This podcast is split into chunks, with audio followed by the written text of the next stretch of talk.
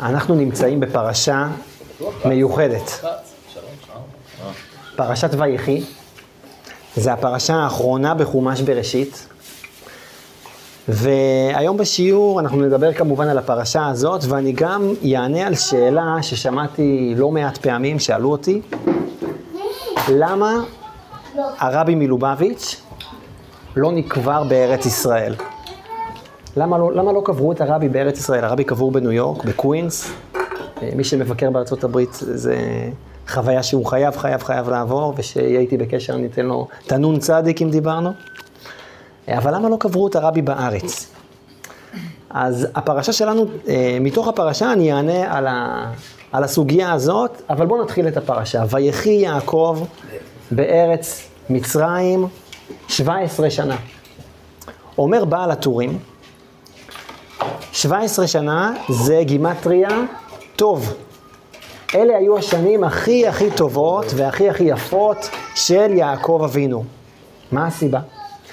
אה, אז יש את הטעם הפשוט ויש גם את הטעם העמוק יותר. הטעם הפשוט זה שסוף סוף יעקב אבינו מגיע אל המנוחה ואל הנחלה, מה שנקרא. הרי כל החיים של יעקב אבינו היו חיים קשים. כאשר יעקב פוגש את פרעה, פרעה שואל אותו, בן כמה אתה? אז יעקב אומר לו, אני בן 130, אבל מעט ורעים היו, היו ימיי. השנים שלו היו שנים מאוד מאוד קשות, הרי הוא התחיל במריבה עם עשיו. הוא מתבגר, גונב לעשיו את הברכות וחייב לברוח לבית לבן. שם עם לבן צרות. עד שהוא חוזר, לבן רודף אחריו, צרות, אה, שוב עם עשיו, שרוצה להרוג אותו.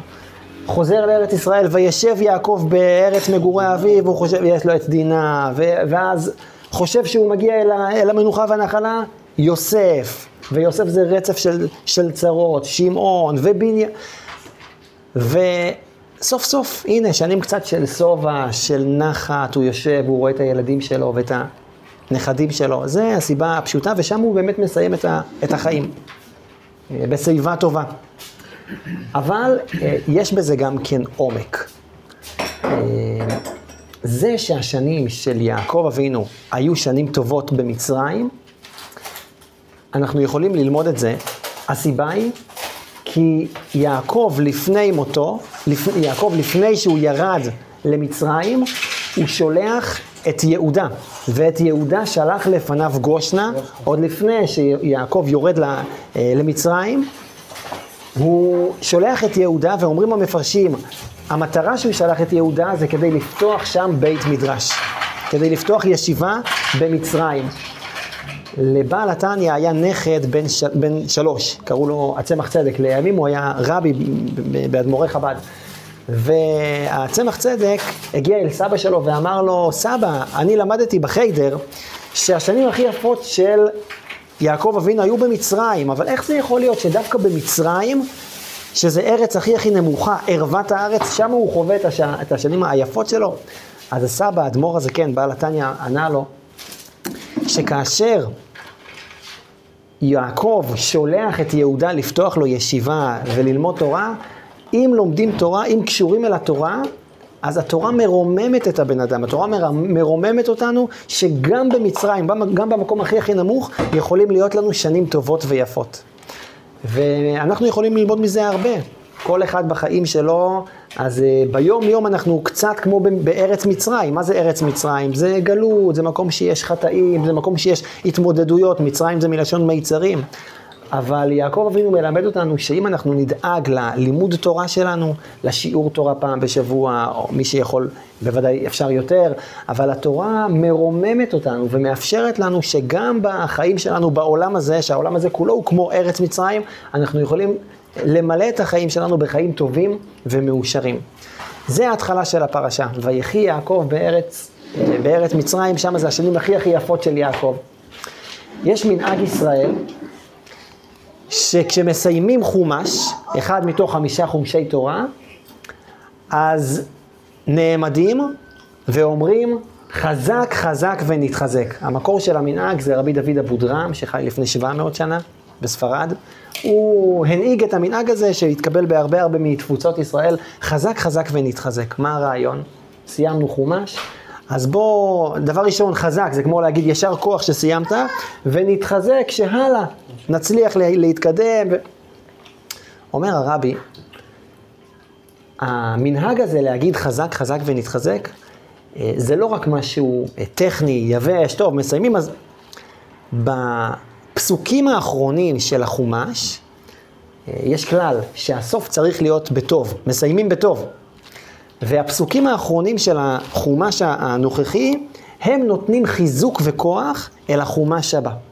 זאת אומרת, כשאנחנו נקרא את הפסוקים האחרונים של חומש בראשית, כשאנחנו קוראים את זה, אנחנו אומרים חזק, חזק ונתחזק, וזה נותן לנו כוח להתקדם ולהגיע אל החומש הבא. מה זה החומש הבא שאחרי חומש בראשית? זה כמובן חומש שמות, שמדבר על השיעבוד של מצרים, על הגלות של מצרים, על העבודות פרך, וצריך המון המון חיזוק לפני שאתה יורד למצרים כביכול. הרי התורה זה לא רק ספר היסטוריה, כל מה שהיה, אז גם ההיסטוריה חוזרת וגם אנחנו צריכים ללמוד הרבה דברים מתוך הסיפורים של התורה.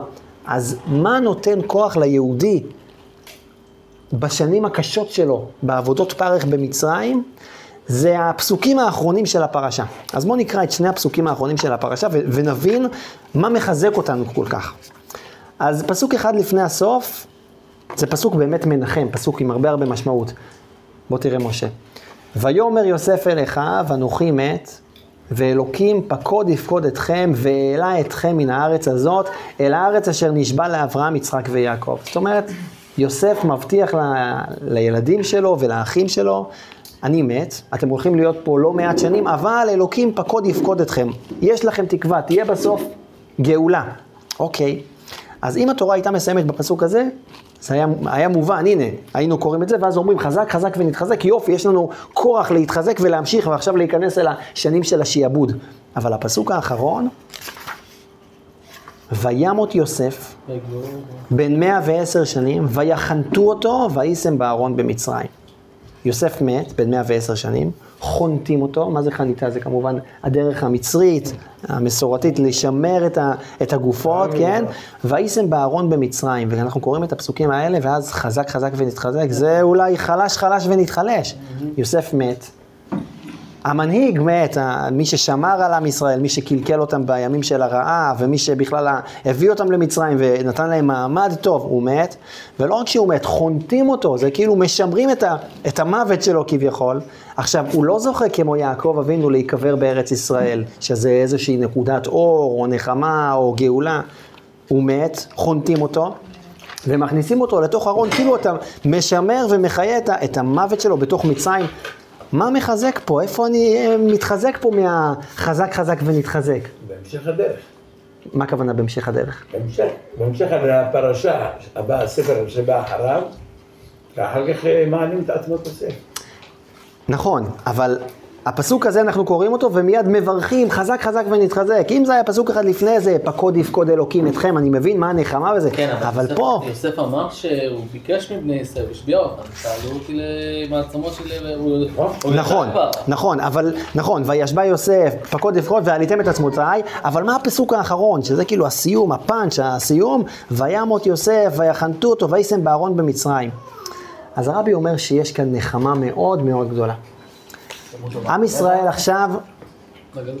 נכנס לתוך גלות של 200 שנה, של עבודות פרך, של עבודות קשות. ועם ישראל יודע, הבטיחו לו, פקוד יפקוד. אבל כמו תמיד, יש את ההבטחה, אבל רוצים לראות משהו גם כן בעיניים. ההבטחה נכון, הקדוש ברוך הוא הבטיח, יוסף מבטיח שפקוד יפקוד אלוקים, אבל יש נחמה מאוד מאוד גדולה, זה משהו פיזי שאפשר כביכול למשש, שיוסף הצדיק אומר, אני נשאר איתכם. אני לא עוזב את ארץ מצרים. יעקב, יעקב אבינו עזב ונקבר בארץ ישראל, יוסף אומר לו, אני נשאר כאן איתכם במצרים, עד שאחרון היהודים לא עוזב את ארץ מצרים, עד שאתם מסיימים את התקופה הזאת, אני איתכם, כמו רב חובל ש, שקופץ אחרון אל המים, זה מה שיוסף הצדיק אומר. כל עוד אתם כאן, אני איתכם, פיזית.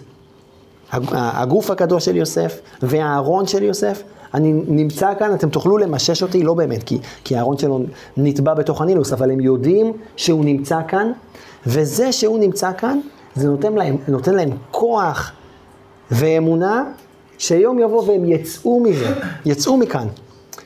ויתרה מזו, יוסף מסמל את הממלכה, זאת אומרת, זה שיוסף הצדיק נמצא במצרים, זה מזכיר לעם ישראל מה המהות האמיתית שלהם. במילים אחרות זה אומר, נכון, אני יודע, אתם הולכים לעבור שנים מאוד מאוד קשות, אבל אל תשכחו שאני נמצא איתכם, גם במצב הכי הכי קשה בעולם, אתם מלכים. כל יהודי, אתם העם שלי, אתם כמו יוסף הצדיק, כמו שיוסף הוא מלך, גם אתם. יכולים לשלוט עליכם, על המעשים שלכם, אבל לא על הראש שלכם, לא על התודעה שלכם. ואם אתם תהיו בתודעה הזאת ותזכרו שאני נמצא איתכם, אז אתם תצליחו לשרוד בשנים הכי הכי קשות האלה. וכשיהודים שומעים את הבשורה הזאת, אז הם מתחזקים. זה לא שאוקיי, עכשיו הולכים לסבול, מה יהיה? הצדיק הגדול, יוסף הצדיק, נשאר איתנו, ואם הוא נשאר איתנו, מי יכול עלינו? אם הוא נשאר איתנו, בוודאי שאנחנו נצליח לשרוד את כל השנים הקשות, ולעלות בסופו של דבר גם כן מארץ מצרים אל הגאולה. אז אני פתחתי בשאלה, למה הרבי לא נקבר בארץ ישראל? הרבי מסר את, ה, את הרעיון הזה אה, ודיבר על חמיב, קודמו, הרבי הקודם ש, שהיה רבי של חב"ד. אה, לפני הרבי, קראו לו רבי יוסף יצחק. אה, בהזדמנות אחרת אני אספר לכם קצת, זה לא אבא של הרבי, זה, זה חמיב, זה אבא של אשתו של הרבי. כן. והרבי אמר, הרב, הוא דיבר על, על קודמו, הרבי הרייץ בחר להיקבר אה, בחוץ לארץ, לא סתם בחוץ לארץ, באמריקה, שאמריקה של, של היום או של אותם ימים זה כמו ארץ מצרים, זה כמו מצרים הייתה המרכז של העולם, אז גם ניו יורק, הברית. והרבי אמר, זה שהשם של הרבי הקודם זה יוסף יצחק, כמו יוסף הצדיק, בחר להיקבר בחו"ל ולא להיקבר בארץ, זה כדי לתת תקווה וכוח ליהודים שנמצאים שם, שהם במובן מסוים נמצאים בגלות עוד יותר קשה מאשר, מאשר אנחנו. אנחנו פה בארץ הקודש, עוד יש אה, נאחזים בקדושה, אבל למי שנמצא שם בגלות צריך הרבה הרבה יותר כוח ועידוד. אז במילים אחרות, הרבי אומר, אני נשאר איתכם בגלות, וכשיבוא המשיח, כשתבוא הגאולה, כמובן הרבי יקום לתחייה, ו... וכולם יעלו לארץ ישראל, אבל עד אז אני נשאר איתכם בגלות, וזה מעודד את היהודים שנמצאים שם, וגם אותנו, הידיעה הזאת היא שהרבי אה, נשאר עם, ה, עם צאן מרעיתו כביכול, כמו יוסף הצדיק שנשאר בגלות, אה, אז ככה הרבי מסביר על הרבי הקודם, וככה אנחנו גם כן יכולים להסביר על הרבי. פתחתי עם זה שמי שנוסע לניו יורק, מוזמן כמובן ליצור איתי קשר, יותר חשוב להגיע לשם, אבל האמת שגם כשאנחנו פה בארץ ישראל, אנחנו יכולים לבקש אה, בקשות מהרבי, אפשר לכתוב אה, מכתבי ברכה לרבי, שולחים את זה לציון של הרבי, ו, ושם יש מי שמכניס את זה אל האוהל, ככה זה נקרא. אז uh, הידיעה הזאת שהרבי בחר להיקבר בחוץ לארץ, וזה בעצם הקרבה, כי מי כמו הרבי יודע מה המשמעות של להיקבר בארץ ישראל, אבל בכל זאת הוא מוכן לוותר על הקדושה הזאת של ארץ ישראל בשביל להיות תקווה ליהודים שהם עוד יותר רחוקים. זה ממש ממש uh, מסמל את, ה, את הרבי, והרבי סיים עם זה שיוסף הצדיק, למה הוא נקרא ככה? למה רחל, גבר רחל, כן? למה רחל קראה ליוסף בשמו? אה, יוסף השם לי בן אחר. אה, רחל הייתה נביאה והיא ידעה שלפי מניין השבטים זה הבן ה-11, אז נשאר רק עוד ילד אחד מתוך ה-12 שבטי ישראל, בנימין. נכון? אז היא אמרה, יוסף השם לי בן אחר, שיהיה לי עוד ילד אחד, כן. מי פה בנימין? בני? מי אתה? לא, לא, לא בנימין. אז הרבי אומר, המשפט הזה שרחל אומרת, יוסף השם לי בן אחר, יש פה המון המון עומק. יוסף הצדיק במהות שלו, זה להוסיף מישהו שהוא בבחינת אחר ולהפוך אותו להיות בן. זאת אומרת, אה, בינינו וסביבנו יש לא מעט יהודים קדושים, הזרע של אברהם, יצחק ויעקב, אבל הם בנים אחרים, הם קצת מתבלבלים בדרך שלהם. והמהות של יוסף הצדיק זה לקחת את הבן האחר הזה ולהכניס אותו פנימה. אה, הרבי אמר, כמו אצל בנימין, מה היה השם המקורי של בנימין, אתה צריך לדעת? בן-אוני. השם המקורי שלו, רחל קרא לו בן-אוני. אבל יעקב אבינו הפך את זה מבן-אוני לבנימין. במילים אחרות, אה, המהות של יוסף הצדיק זה להפוך מישהו שהוא כביכול בן-אוני עם צער, וצער זה יכול להיות צער בגשמיות, אבל גם כן כמובן צער ברוחניות, הוא רחוק מהשכינה, הוא רחוק מהקדושה, הוא רחוק מחיים של תורה ומצוות, ולהוסיף אותו ולהפוך אותו מבן-אוני להיות בנימין, להיות חלק מ- מעם ישראל.